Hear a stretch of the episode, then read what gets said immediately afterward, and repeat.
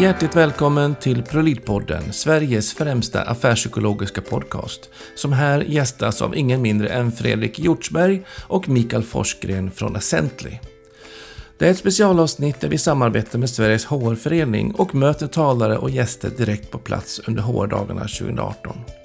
Och som vanligt så är det jag, Jan Blomström, som är affärspsykolog vid Prolin Ledarstöd, som möter drivna ledare och HR-experter som jag är extra nyfiken på. Och här har jag också fått en förstärkning i form av Rickard Mårtensson som är årets eh, Magnus Söderström-stipendiat och eh, även medgrundare och seniorkonsult vid Human Heart HR. Så njut gott av ett skönt avsnitt så tror jag du kommer bli riktigt inspirerad.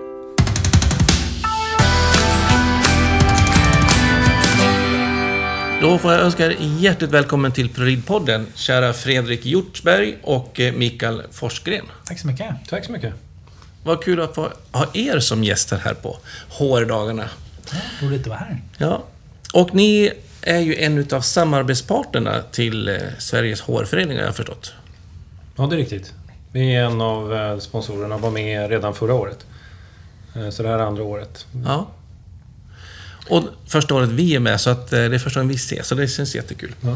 Och vi är ju jättenyfikna på er. Vi tittar lite grann på...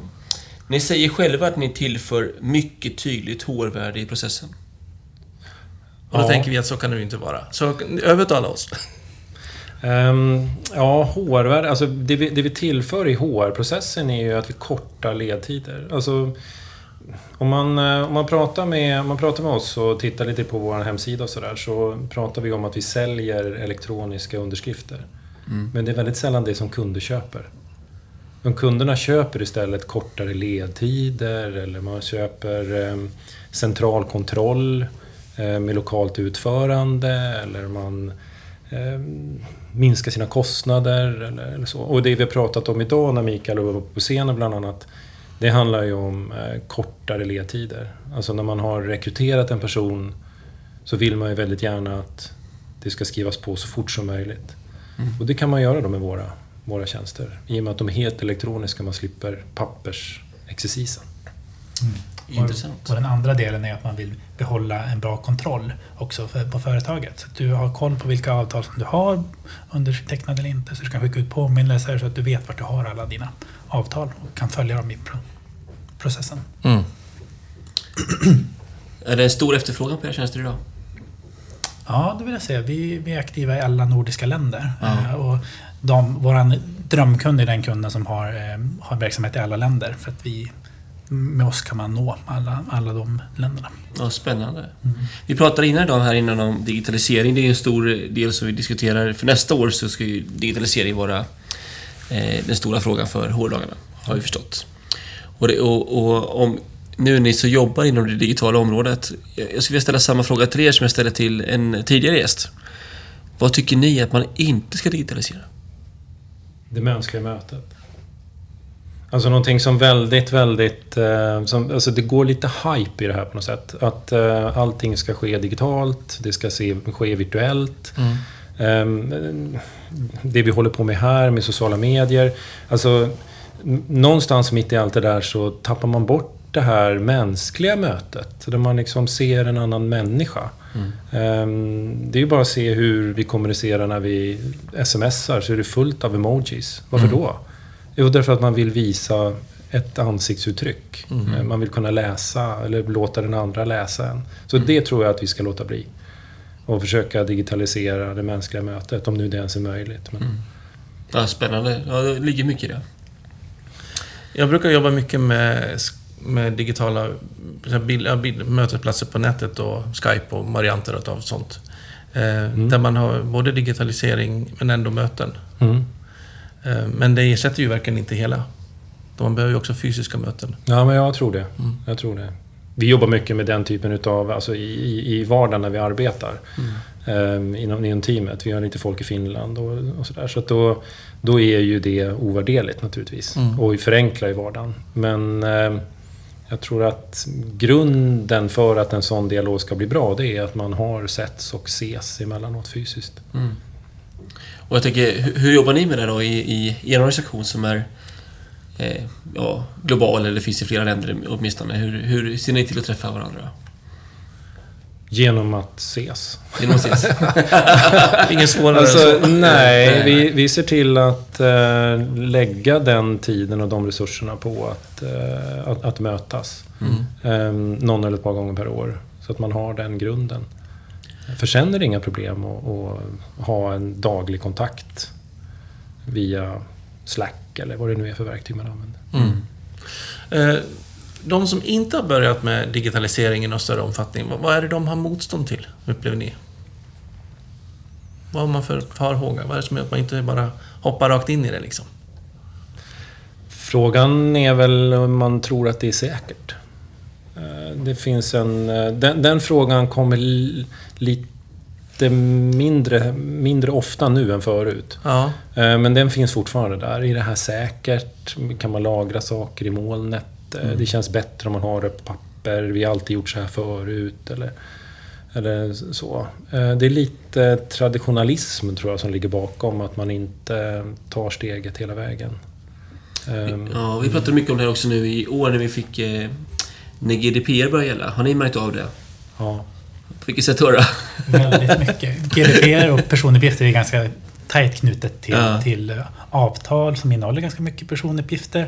Men man, man kan också genom avtal skriva under så här medgivanden att man godkänner att dina personuppgifter behandlas på ett visst sätt. Så att våra tjänster har på något sätt blivit lite viktigare eh, i GDPR-eran. För det är många som vill skriva under de här medgivandena och liksom ha alla, alla sina policies undertecknade och på plats. Liksom. Och det kan man använda sig av e-signaturer för att samla in de här medgivandena. Men samtidigt så är det ganska många som är rädda för att får vi egentligen spara något papper alls nu efter att GDPR har trätt i kraft? Och, så. och det, det är absolut, man får göra det. Bara man gör det på rätt sätt. Och liksom har, Ha koll på vad man gör och varför liksom. ja, och hur länge man sparar dem och Ja. vart man sparar dem och att inte man låter dem ligga kvar för länge. Det är många sådana här bra principer som fanns i gamla PUL också, men som också finns med i GDPR. Och som man nu börjar behöva, behöva följa liksom. Ja, för nu finns det ju böter och det finns ju, finns ju sådana saker också. Och jag kan tänka mig det att i, jag antar att det är många som förväntar sig att man som att ni som leverantör verkligen kan hjälpa till med de här frågorna. Och att ni, jag jag kan tänka mig att ni har lagt mycket tid på att eh, bygga upp den här kontrollen i era verksamhet. Ja, verkligen. Vi har, vi har gjort ganska mycket produktutveckling kopplad till GDPR och gjort så att man kan ställa in hur länge avtal ska lagras och att de ska raderas efteråt. Och även gjort så att ifall man skickar ut ett avtal till en person så måste den personen legitimera sig innan den får se avtalet för att det kan innehålla känsliga uppgifter. Och Så att vi har byggt lite säkerhetsfunktioner och liksom förbättrat vår tjänst som en, som en konsekvens av, av den här nya lagstiftningen. Men hur gör man det då? Legitimeras med, gör man det med BankID eller? Ja, precis. I de, alla nordiska länder så är vi ganska långt framme med tekniken. Så det finns e-legitimationer. BankID heter det både i Sverige och Norge. Men det är olika tekniker i grunden. Men de har samma fina varunamn. Ja. Eh, I, Norge, eller I Danmark heter det NemID och i Finland kallar de det för Tupas eller Mobilevärmare. Men allt det går ut på att du har fått ett litet, en app eller ett certifikat eller någonting som säger att du är du och med den kan du bevisa vem du är på internet och även skriva under avtal och så. Vad får man för reaktioner hos eh, anställda utav att bli liksom utsatt för era elektroniska avtalsunderskrifter? Jag träffar ganska många HR-avdelningar som, som använder sig av våra lösningar och de är väldigt glada för att det går mycket snabbare och mycket smidigare än eh, när de skulle jaga på personer som skulle skriva under papper. Och det ganska många som inte får in alla de här papperna och de har inte riktigt koll på vart det stannar och så. så eh, bara man börjar använda sig av de här digitala verktygen så kan man strukturera upp det bättre och följa och se vilka som verkligen är undertecknade eller inte. Så det är enklare för HR-avdelningen, eller HR-folken. Ja, Men för medarbetarna, vad säger de att få skriva under? Litar de? Jag skulle vilja säga att medarbetarna är nog eh, de som är mognast i, i det här. Det är inget konstigt. Därför Nej. att eh, i vardagen så eh, jobbar vi väldigt mycket med mobiltelefonen. Alltså man, man, man hanterar sina bankärenden, man gör allting. Vi lämnar ut mo- våra personnummer till höger och vänster i vardagen utan att blinka. Så att när det kommer ett anställningsavtal för undertecknande i mobilen så är det en självklarhet. För den anställde, skulle jag vilja säga.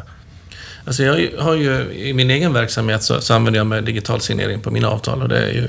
Jag bara behöver skriva under på det hur jäkla enkelt som helst. Och kunderna tycker det också är otroligt smidigt. Och slippa med skanningar och allt vad det är.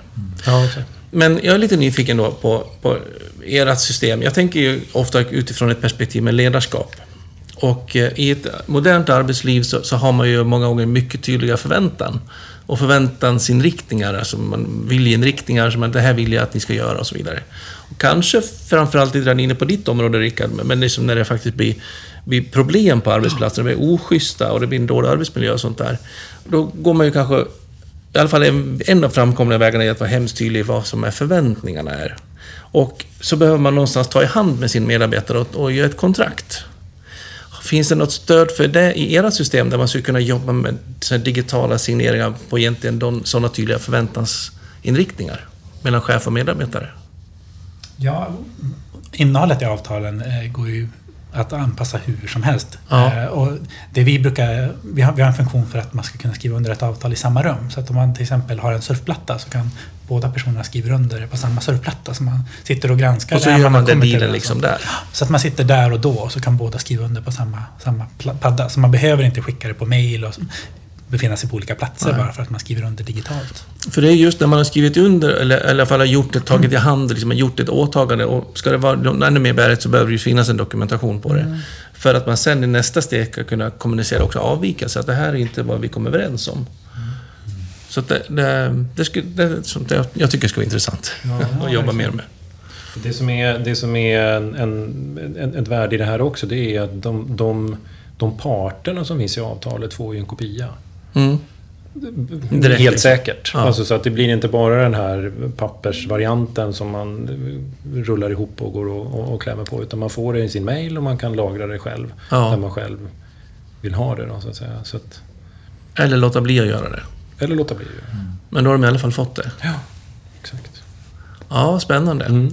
Um, det skulle varit intressant om ni lyssnare hade varit med här också nu och kunnat berätta vad ni, vad ni tänker kring det där med att göra skriftliga kontrakt mellan ledare och medarbetare direkt. Kanske en fråga vi kan skicka ut. Ja, så att ni kan gärna skriva lite kommentarer på där ni lyssnar på podden kan vi se, eller på Facebookgruppen.